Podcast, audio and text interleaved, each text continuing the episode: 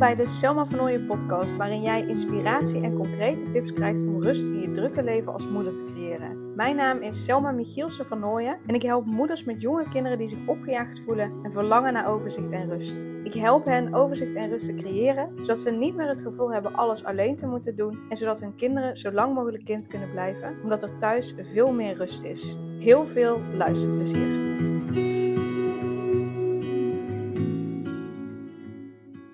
En toen raakte ik bijna de controle kwijt. En als er iets is wat ik niet fijn vind, is de controle kwijtraken over iets wat nieuw voor mij is. Wat ik een beetje spannend vind, waar ik niet zo goed van weet wat ik nou precies moet verwachten, hoe ik erop ga reageren. Ehm, en dan uh, uh, hou ik me het liefste vast aan dingen waar ik ja, controle op kan hebben. En uh, ik ga je uh, iets heel persoonlijks delen in deze podcast. Um, waarin je gaat zien dat, nou ja, ik dus ook last heb van die controle, wat ik ook heel vaak terugzie bij mijn klanten. Um, ik heb het echt al veel meer los kunnen laten, maar bij hele belangrijke uh, dingen, of dingen die ik echt heel spannend vind, komt dat oude patroon van heel stevig de controle willen hebben en de controle vooral ook buiten mezelf zoeken uh, komt dan terug. En dat gaat met name over de bevalling. Um, voordat ik zwanger was, was ik heel erg bang voor de bevalling. Op het moment dat ik zwanger was, uh, kreeg ik er wel een stuk meer rust in. Omdat ik dacht, ja, weet je, hij moet er toch uit. Uh, miljarden andere vrouwen hebben het ook gedaan, dus ik kan het ook. En gaat hij er niet uit ja, op de natuurlijke manier, dan zijn er allerlei hulpmiddelen. Uh, desnoods een keizersnede. Dat zal ik niet leuk vinden, maar goed, ja hij gaat er hoe dan ook uitkomen. Dus ik kreeg daar iets meer rust in. Uh, ik heb ook bij onze verloskundige um, een uh, bevallingscursus gedaan. Zodat ik ook echt kon zien van oké, maar wat kan ik nou een beetje verwachten? En wat kan ik nou het beste doen? Nou, toen zag ik ook van oké, ja, weet je, mijn lijf is ervoor gemaakt. Er worden allerlei hormonen aangemaakt. De baby is ervoor gemaakt. Bij de baby worden er ook allerlei processen in gang gezet om uh, mijn lijf en zijn lijf goed met elkaar te laten werken. En wat het allerbelangrijkste is, is dat ik kan ontspannen. Ja, want op het moment dat je ontspant, dan worden er allerlei hormonen uh, uh, gemaakt, aangemaakt in je lijf. Die ervoor zorgen dat je ontsluiting krijgt, dat je de weeën beter op kan vangen, bla bla bla. En, en op het moment dat je gestrest bent, dan komt er adrenaline, adrenaline vrij. En adrenaline is echt wel de boosdoener voor de oxytocine. En de oxytocine heb je dus nodig voor de ontsluiting. En, en uh, dat komt vrij met ontspanning. En adrenaline, adrenaline werkt dat tegen. Um, dus toen dacht ik, nou, dat is, dat is wat ik te doen heb. Helemaal prima. Ik ga me nu van tevoren heel erg focussen op visualiseren. Uh, op mediteren, op mezelf regelmatig rijken geven, zodat ik, zodat ik kan ontspannen. En, dat, en oprecht, dat heeft me echt heel erg geholpen. Um, tot een week geleden. Um, want ik heb alle vertrouwen in bevallen met onze verloskundige praktijk. Ik heb niet voor niets gekozen voor deze praktijk. Een kleine praktijk. Uh, met, ja, het zijn vier verloskundigen, maar eentje is met zwangerschapsverlof. Dus met drie verloskundigen. Uh, die kennen mij, die weten wat ik fijn vind, die weten wat ik niet fijn vind. Uh, ik ken hun visie. Ik sluit me aan bij hun visie. Dus zij, staan heel erg voor het allemaal zo natuurlijk mogelijk uh, te laten verlopen. En um, ja, in ieder geval, ik kan me heel erg vinden in hun visie. Dus met hen bevallen heb ik alle vertrouwen in. Alleen vorige week gebeurde er iets waardoor bevallen met onze eigen verloskundige, uh, eigen verloskundige praktijk, op losse schroeven kwam te staan. Want wij hadden uh, toen ik 36 weken en 5 dagen zwanger was. Uh, ik ben nu 37 weken en 1 dag. Als ik deze podcast opneem, als die online komt, nog ietsjes verder. Maar bij 36 weken en 5 dagen hadden we de groeiecho. En um, de verloskundige, die zag dat zijn buikje erg groot is. En uh, in vergelijking met het gemiddelde. Dat moet ik wel even bij zeggen. Um, Want wat ze doen is, bij de groeiecho dan meten ze de omtrek van zijn hoofdje, omtrek van zijn buikje en, buikje en bovenbeenbordje. En er komt dan een inschatting uit van hoe zwaar hij zal zijn. Nou, ze gebruiken daarin een uh, uh, bepaalde, ehm, ja, hoe moet ik het zeggen? Een bepaalde schaal met, met percentielen. Dus als je kind uitkomt op de 50 percentiel, dan zit hij op het gemiddelde. Alles wat eronder zit is kleiner dan het gemiddelde. Alles wat erboven zit is groter dan het gemiddelde. Um, en met de buikomtrek kwam ons baby uit op 98 percentiel. Dat betekent dat hij bij de 2% grote baby's hoort in, nou ja, van waar ze, de, waar ze het allemaal gebruiken. En ik kan het volgens mij helemaal niet zo goed uitleggen.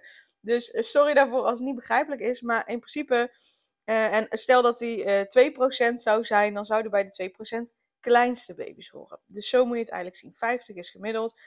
Daarboven, nou dan zit hij boven en daaronder zit hij onder. Nou, hij zat dus met zijn buikje op 98. Met zijn hoofdje en zijn bovenbeenbordje zat hij wel een, een stuk lager. Maar met zijn buikje, en dat is blijkbaar het belangrijkste meetstuk, zat hij op 98. Nou is het zo dat ze hanteren dat vanaf 95 percentiel, dus daar zat hij boven, dat, ze, een, dat de baby te groot is tussen haakjes. Dat noemen ze macrosoom. En als een baby te groot is, dan kan dat verschillende complicaties met zich meebrengen tijdens de zwangerschap, maar ook als hij er net uit is. En dat is een beetje afhankelijk van wat de reden is dat hij te groot is. Uh, ik ben met 24 weken uh, getest op uh, zwangerschapsdiabetes vanwege mijn overgewicht. Nou, toen kwam daaruit dat ik geen zwangerschapsdiabetes heb, maar um, bij die groeiecho zei ze van nou, hij is aan de grote kant. Ze gaf wel meteen aan, weet je, wij gaan ervan uit dat jij de baby maakt die je ook kunt baren, dus die je ook, waar je ook van kunt bevallen. Dus zij maakte zich niet zo heel erg zorgen, maar ze zei wel, het protocol is als een baby te groot is dan 95, dat we je aanbieden om een consult in het ziekenhuis aan te vragen. Uh, maar eerst uh, wil ik nog een keer je, je uh, glucose testen om te kijken of je misschien alsnog zwangerschapsdiabetes hebt ontwikkeld. Dus dat was op vrijdag. Op zaterdag moest, ik mijn, moest ik met een glucosemetertje mijn waarde bijhouden, vier keer op een dag. Eén keer nuchter, de nuchtere waarde. En de andere drie keren was het anderhalf uur na de maaltijd. Dus anderhalf uur na het ontbijt, anderhalf uur na de lunch, anderhalf uur na het avondeten. Die waarden waren gewoon helemaal in orde, dus dat was helemaal goed. Dus dat heb ik ook gestuurd. En toen op maandag werd ik gebeld van ja, dat is in principe allemaal goed.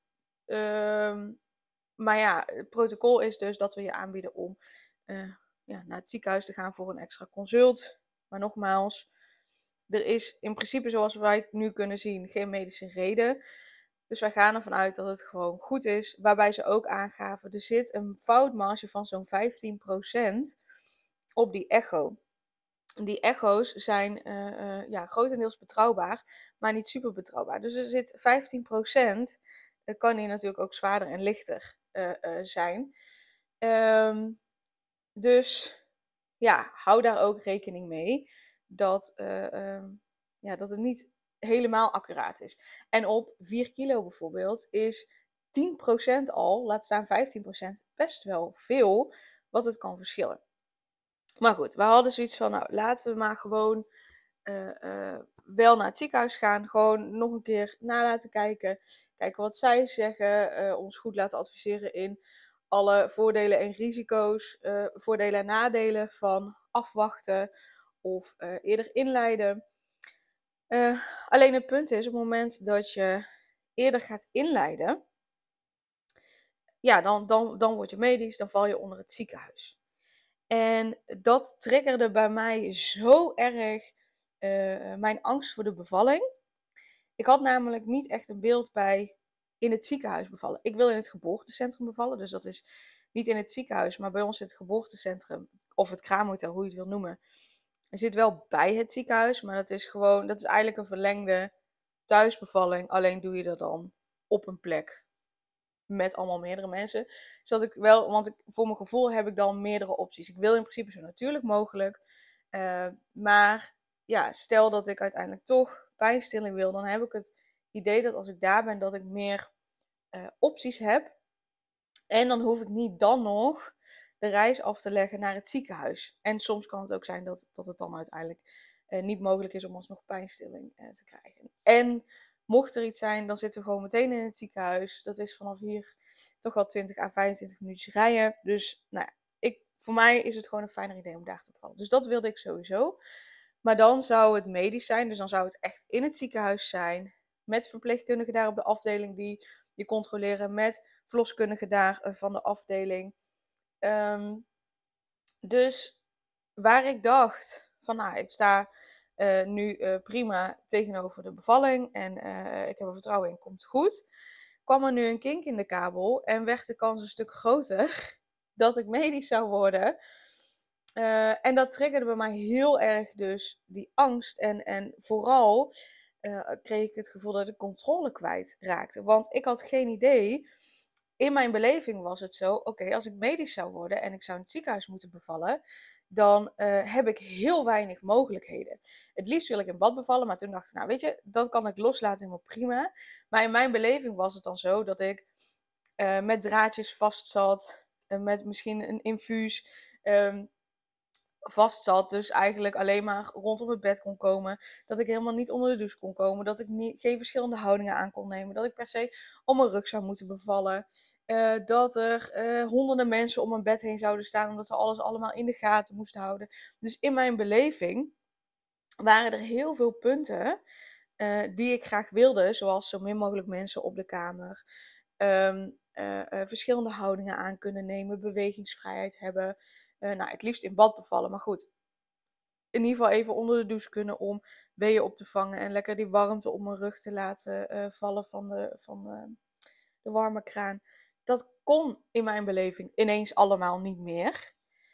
Um, en daarin dreigde ik de controle kwijt te krijgen. Want ik had mijn gevoel van controle en mijn gevoel van rust heel erg buiten mezelf gelegd.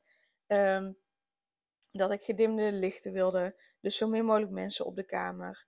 Uh, uh, het liefst in bad kunnen bevallen, maar in ieder geval kunnen ontspannen met water. Uh, verschillende houdingen aannemen. Een meditatiemuziekje op. Um, mensen die ik ken en die mij kennen, die weten wat ik fijn vind en niet fijn vind. Um, daar had ik mijn, mijn gevoel van veiligheid en mijn gevoel van ontspanning, dat dat me zou helpen om te ontspannen, had ik allemaal buiten mezelf gelegd. En nu dreigde dat dus in mijn beleving um, ja, als een kaartenhuis in elkaar te vallen. Ja, en toen heb ik echt dagen achter elkaar zitten janken. Uh, omdat ik echt ineens dus heel erg bang was voor die bevalling. Omdat ik dacht, ja, maar als ik dit en dit en dit en dit en dit niet heb, ja, dan kan ik niet goed ontspannen. En waar ik ook heel erg bang voor was, was dat als ik medisch zou worden, dat er niet zo goed met mij gecommuniceerd zou worden. Dus dat ze bijvoorbeeld uh, sneller dingen gingen doen zonder mij duidelijk uit te leggen. Dit is wat we gaan doen en dit is waarom we dat gaan doen. Wat ik namelijk heel erg belangrijk vind. Kijk, op het moment dat er spoed is, weet je, dan moeten er dingen gedaan worden. Het allerbelangrijkste is, is dat de baby er veilig, gezond en blij uitkomt. Dat ik er ook veilig en gezond en blij uitkom. Uh, en we het allemaal overleven, zeg maar. Dat is, dat is uiteraard het allerbelangrijkste. Dus als er spoed is, is er spoed, dan moeten er dingen gedaan worden.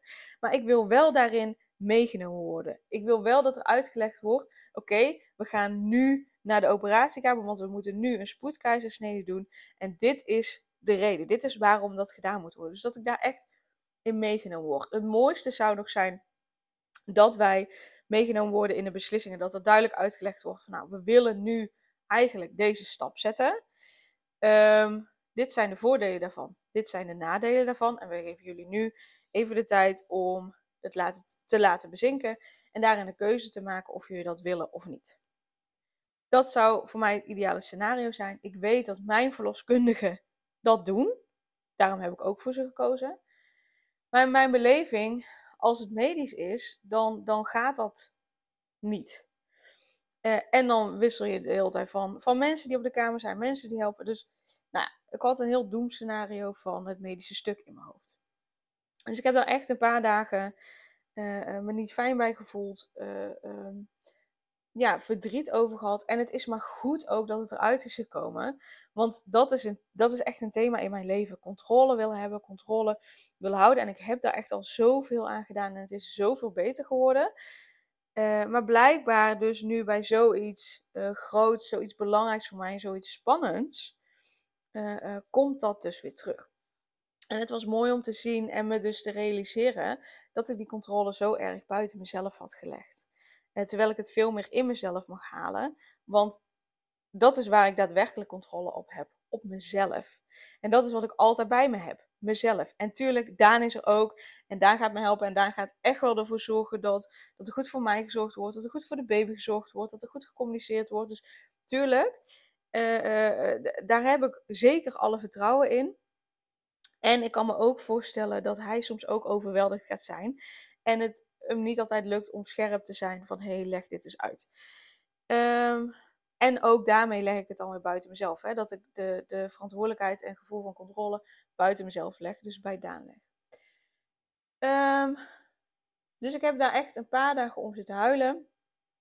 En uh, nou, we werden dus doorgestuurd naar het ziekenhuis. Ik werd die maandag, uh, um, dus op vrijdag hadden we de groeiecho. Op zaterdag moest ik testen. Op maandag hadden we een telefoongesprek met de verloskundige. En smiddags werd ik al gebeld uh, door het ziekenhuis om een nieuwe groeiecho in te plannen en een gesprek ja, met de gynaecoloog of de klinisch verloskundige. Ik weet nu eens, niet eens meer eigenlijk wat ze nou was, maar een van die twee. Um, en uh, ik zou op dinsdag een gesprek hebben met een verpleegkundige, zodat hij alvast het dossier in orde kon maken. Uh, en dan op donderdag hadden we de groeiecho en daarna het gesprek. En op dinsdag had ik dus een gesprek met een verpleegkundige. En dat was wel heel erg fijn, want zij vroeg aan mij: Vind je het fijn als ik je alvast wat uitleg over stel dat je medisch wordt en stel dat we je eerder in gaan leiden? Um, uh, en dus dat je in het ziekenhuis bevalt, dat, je het, dat het fijn is als ik uitleg hoe dat dan gaat. Ik zeg, ja, doe maar, dat zou heel fijn zijn. En in dat gesprek kwam al heel duidelijk naar voren dat ze zegt, ook al ben je medisch, er is nog zoveel mogelijk. En ze zegt, ja, in bad bevallen gaat niet. Want je uh, krijgt uh, een, uh, aan de buitenkant krijg je een band om je buik heen. waarmee ze continu het hartje van de baby controleren. Want als het medisch is, dan moeten ze dat continu controleren. Zeker als ze je gaan inleiden. ja, dan willen ze continu weten of het goed gaat met de baby. Dus in bad bevallen gaat niet. Maar we hebben ook een mobiele uh, uh, CTG geloof ik. Dus een mobiele ja, ding om, om de hartslag te meten. Waarmee je gewoon onder de douche kan. Dus je kunt gewoon lekker ook uh, die stralen op je rug hebben en daarmee ontspannen. Uh, ze zegt, we hebben een bal waar je op kunt zitten. Je mag uh, van houding wisselen. We hebben een baarkruk. Um, dus ze zegt, het bed kan ook omhoog. dat je gewoon op, op knieën en je handen, met je handen zo tegen de rugleuning aan kunt zitten, zodat je op die manier houdingen aan kunt nemen. Ze zegt, ik heb gelezen dat je zo min mogelijk mensen op de kamer wilt. Heb ik ook overgenomen. Want ze had de gegevens al van uh, verloskundigen ook gehad. En dus ook onze geboortewensen. Zegt dus, dat heb ik ook overgenomen. Dat kan ook. Ehm, ja, en zo waren er meer dingen. Oh, ze zegt ook van wat, wat ik dus heel fijn vind is een, een rustgevend muziekje zegt. Dat kan ook. Zeg, je moet wel zelf een boxje meenemen, want dat hebben we niet. Maar je kunt prima ook een muziekje opzetten. Dus uh, ja, met andere woorden, mijn doemscenario van ja, maar dan is er helemaal niks meer mogelijk, was dus helemaal niet waar. Dus uh, ik was ook heel erg gerustgesteld door dat gesprek met haar. Dus dat was heel erg fijn, waardoor ik al dacht: oké, het is niet het einde van de wereld. Uh, als, als ik medisch word en, en dus op die manier ga bevallen. De dag daarna, dus op woensdag, had ik een uh, Reiki-sessie bij mijn Reiki-master. En dat was ook, nou ja, eigenlijk gewoon precies op het juiste moment. Uh, dus daar kwam ik binnen en ze vroeg hoe gaat het. Nou ja, toen moest ik ook nog even huilen. Ik zeg, ja, ik ben heel erg emotioneel deze dagen. Um, dus, uh, nou goed, die, die rijkbehandeling heeft zo heeft ook zoveel goeds gedaan. Echt zoveel spanning losgelaten, angst losgelaten. Dat was zo fijn. Ik zat daarna echt ja, een beetje als een zombie erbij. Ze vroeg ook, en, en hoe, hoe vond je het? Wat heb je gevoeld? En mijn hoofd was gewoon leeg. Ze zegt, ik zei ook, ik zeg, nou, ik denk dat ik van alles heb gevoeld, maar ik heb geen idee meer. Ze zegt, oh top, oh dit is echt goed. dus uh, ik was gewoon echt even helemaal uit mijn hoofd. Dat was zo goed. En ze zegt ook, ik, ik gun je de komende tijd nog meer van deze zombie momentjes. Want dan kom je echt in een bepaalde ontspanning, in een bepaalde ja, soort trance, zeg maar. Wat je nodig hebt tijdens de bevalling om in je eigen bubbel te komen, om te ontspannen, zodat die hormonen hun, eigen, hun werk kunnen doen. Ze heeft ook nog wat uh, uitgelegd. Zij is ook ademcoach, maar uh, ook met Reiki kun je ook via ademhaling uh, ja, Reiki geven. dus daar heeft nog wat uitleg over gegeven. Wat ik kan doen met mijn ademhaling. En welke symbolen ik van de Reiki kan gebruiken om ervoor te zorgen dat ik met mijn ademhaling en dat symbool um, door de pijn heen kan ademen. Dus ik ben daar nu ook gewoon ja, mee aan het oefenen. En ook dat helpt me om in een bepaalde trance te komen. Um, en ze zegt, ja weet je, dat is ook hetgeen waar je controle over hebt. Je eigen ademhaling, daar heb je controle over, heb je ook altijd bij. En zegt, de rest heb je in principe geen controle over. En toen dacht ik, ja, dat klopt, dus thank you. Dus ik ben nu uh, sindsdien uh, iedere dag als ik mediteer uh, um, ook die ademhaling aan het doen. En dat is gewoon heel erg fijn. En ze zei ook hoe, hoe meer rust jij gaat pakken en hoe meer je echt in die rust komt, dan pas zal de baby komen. Eerder zal hij niet komen als je nog te veel onrust hebt. Dus um, ja, dus dat was ook heel erg fijn. En inderdaad gewoon een handvat in mezelf, van mezelf, waar ik wel controle over heb en wat me echt gaat helpen om te ontspannen, om alles uh, vlotter te laten verlopen. En toen hadden we op uh, donderdag de groeiecho. In het ziekenhuis, dus ze hebben hem nog een keer opgemeten. En daarna een gesprek. En um, toen zei die, laten we er even gynaecoloog noemen, dat is even het makkelijkst. Toen zei die gynaecoloog ook, nou als ik kijk inderdaad, buikomvang, die zit boven uh, de 95. Dus uh, ja, op basis daarvan zouden we zeggen, nou het is een macrosoomkind, dus te groot. Zeg maar, als je het in verhouding neemt met het hoofdje en het beentje, dan zit hij qua gewicht op de 91 percentiel. Dus dan zit hij weer onder die 95. Zat ook nog aan mijn buik gevoeld, dus de grootte van mijn baarmoeder. En ook op die manier een beetje de grootte van het kindje. Ze zegt, als ik ook jouw buik voel en de baby zo voel aan de buitenkant. Ze zegt, dat is ook maar een schatting. En op basis van mijn ervaring uh, um, heb ik niet het idee dat die te groot is. En heb ik ook niet zoiets van, nou, ik ga hem binnenkort al halen. Dus er zou dan in week 38 bijvoorbeeld zijn. Dat uh, ze zegt nee. Dus eigenlijk op basis van dit allemaal en dat die qua gewicht, nou ja, geschat wordt op de 91, zou ik jullie niet aanraden om eerder in te leiden. Gewoon lekker afwachten en de baby zelf laten komen. Ze zegt wat je wel zou kunnen doen, is dat je bijvoorbeeld uh, niet tot de 42 weken afwacht. Want in Nederland mag je tot de 42 weken afwachten. En dan moet hij wel echt gehaald worden zegt, ja, wat je kunt doen is dat je niet tot de 42 weken wacht, maar dat je dan bij 41 weken uh, ja, de inleiding gaat starten, mocht hij niet eerder zelf komen. Zegt, dat zou nog een optie kunnen zijn. Dus uh, nou, toen was ik natuurlijk helemaal uh, opgelucht, want dat betekent dat we sowieso terug konden naar onze eigen verloskundige praktijk. Dus dat is heel erg fijn. Daarna hebben we nog gebeld met een van de verloskundigen van onze eigen praktijk. En die zei ook van ja, nou, fijn dat je dit te horen hebt gekregen. We hadden zelf ook zoiets van, nou, het zal allemaal wel meevallen op basis van wat tot nu toe uh, uh, bij de controles uit is gekomen. Zegt, je hebt geen, geen zwangerschapsdiabetes, dus is geen medische reden om eerder te laten komen. Dus ze zeggen, we gaan er gewoon vanuit dat jij ja, een grotere baby hebt gebaard. Gewoonweg omdat je, die, omdat je daar gewoon van kunt bevallen, omdat jouw lijf daarvoor gemaakt is. En zij zei van, nou ja, dan zou ik ook niet bij 41 weken al in gaan leiden. Want ja, voor de 42 weken zijn nou, bijna alle baby's wel geboren. En er zijn uiteraard uitzonderingen. Um, dus ja, ze zegt, ga daar nu niet alvast keuzes in maken.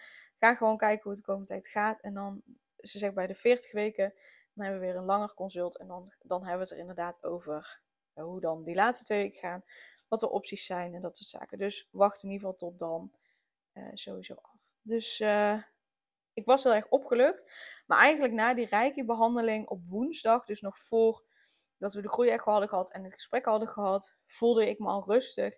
En dacht ik al, weet je, er is voor zover we nu weten, tenzij er die donderdag iets heel anders nog uit zou komen, maar voor zover we nu weten is er geen medische reden. En ik had al tegen Daan gezegd, ik zeg heel eerlijk, ik wil hem sowieso niet voor de 40 weken laten komen. Ik wil hem sowieso, tenzij die zelf eerder komt. Hè? Dat is helemaal prima. Als hij zelf er klaar voor is, mag hij voor de 40 weken komen. Maar ik wil hem niet zelf gaan halen voor de 40 weken. Er is geen medische reden voor.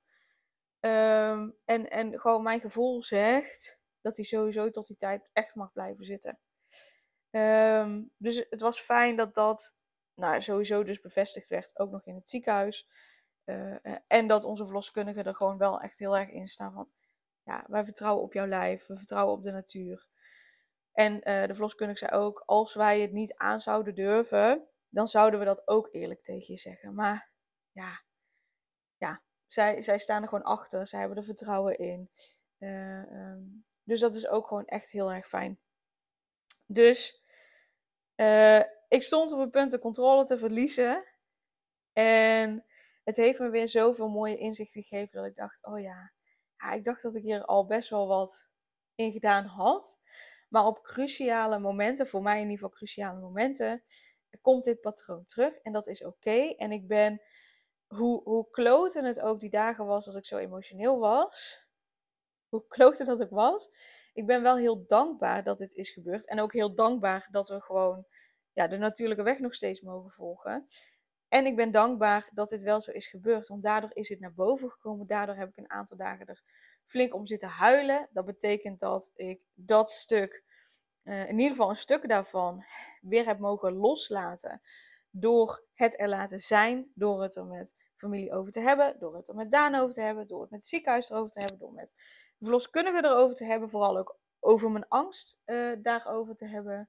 Door dat te bespreken, kan het eruit en kon mijn lijf het loslaten. Vandaar dat ik dus al heel snel aan het janken was. die dagen uh, tussen de groeiecho en de. Of uh, tussen dus, het moment dat, we, dat het mogelijk medisch zou worden en de rijke behandeling in. En met de rijke behandeling hebben we het gewoon meer los kunnen laten. Dus daar ben ik dankbaar voor dat ik de gelegenheid heb gekregen om in dit stukje en dit patroon weer een stuk te hebben mogen helen. Dus daar ben ik wel dankbaar voor. En um, het heeft er ook voor gezorgd dat ik met een verpleegkundige heb gesproken die ook op de uh, ja, geboorteafdeling werkt.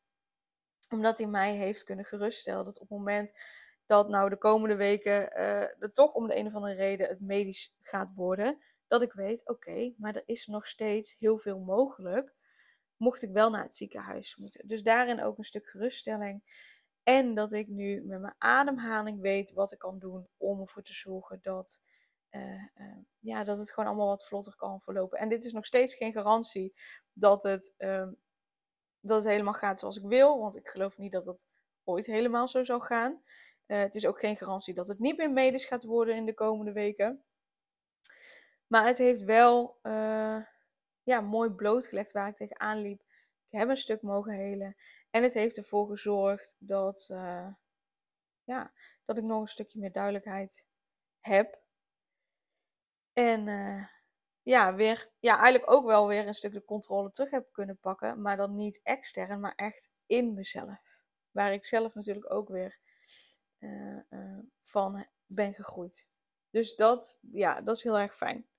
Dus dat wil ik met je delen, omdat ik heel vaak zie bij mijn klanten dat ze ook echt de controle op alles willen houden. Omdat ze dan het idee hebben dat het dan goed verloopt. En ze hebben het idee als ze de controle kwijtraken, uh, of een stukje de controle loslaten, dat alles dan helemaal in de soep gaat lopen. Ja, en daar is natuurlijk geen ruimte voor, geen energie voor. Dat levert veel te veel stress op.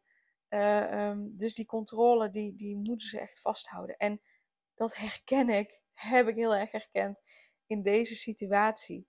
Um, dus ik hoop dat je er op je eigen manier uh, inzichten, inspiratie uit kunt halen. En dat je kunt kijken van hé, maar die controle leg ik zo erg buiten mezelf. Hoe kan ik dat in mezelf krijgen? Hoe kan ik meer die rust uh, um, toelaten? En zeker ook, nou ja, dat bijvoorbeeld Reiki een heel mooi middel is. En dat het echt iets is um, wat eruit mag komen. Waar je heerlijk om mag gaan zitten janken. Uh, waar je het met mensen over mag hebben. En, en waar je gewoon weg hulp bij mag zoeken. Want dat heb ik ook gedaan in de vorm van de verloskundigen die uh, daarin gespecialiseerd zijn, die me daarin mee konden nemen. In een, rijke behandeling, in het erover hebben met, met mijn moeder, mijn zus, met Daan. Ja, dus, dus halen voor jezelf je eigen inspiratie uit, uh, je eigen tips uit om mee te nemen. Zodat jij ook een beetje die controle kunt laten vieren. Want die controle, uiteindelijk gaat dat je tegenwerken. Dat heb je nu bij mij wel gezien. Want ik dacht de controle te hebben. En er gebeurde iets onverwachts. Als in, mogelijk wordt het medisch. Waarmee ik het idee had dus dat alle controle die ik had opgebouwd eigenlijk voor niets was. Yes? Dus neem dit mee. Als je vragen hebt, stuur dan even een mailtje naar info.selmavernooien.nl En dan uh, ga ik verder uh, genieten van mijn verlof. Yes? Hele fijne dag vandaag. Super leuk dat je weer luisterde naar een aflevering van de Selma van podcast. Dank je wel daarvoor. Ik deel in deze outro nog een aantal belangrijke punten. Als eerste is het mijn missie om ervoor te zorgen dat alle kinderen van Nederland zo lang mogelijk kind kunnen zijn. En dat begint bij hoe jij je voelt als moeder. Daarom maak ik deze podcast voor jou en voor je kind of voor je kinderen. Gun jij je kinderen ook een vrije en gelukkige jeugd, zodat ze zo lang mogelijk speels, vrij, onbevangen en onbezonnen kind kunnen zijn? Vraag dan nu mijn gratis e-book aan 8 tips voor moeders met jonge kinderen om meer rust in je leven te creëren. Ten tweede, wil je alle podcastafleveringen overzichtelijk onder elkaar en wil je als eerste op de hoogte gebracht worden als er een nieuwe podcastaflevering online staat? Abonneer je dan op de podcast door op de knop volgen, subscribe of abonneer te klikken en klik op het belletje. Ten derde, ondersteun je mijn missie en wil je ook helpen om alle kinderen van Nederland zo lang mogelijk kind te laten zijn? Laat dan een review achter in de podcast-app via waar je deze aflevering luistert. Hoe meer reviews, hoe beter de podcast vindbaar is en dus hoe meer moeders en kinderen ik kan helpen. En tot slot, ken je andere moeders voor wie deze podcast interessant zou zijn? Deel dan gerust een aflevering met hen of deel een screenshot van deze aflevering op je social media. Wil je mij een vraag stellen of contact met mij opnemen? Dan kan dat via info.selmavernooien.nl Nogmaals, super dankjewel voor het luisteren en tot de volgende keer.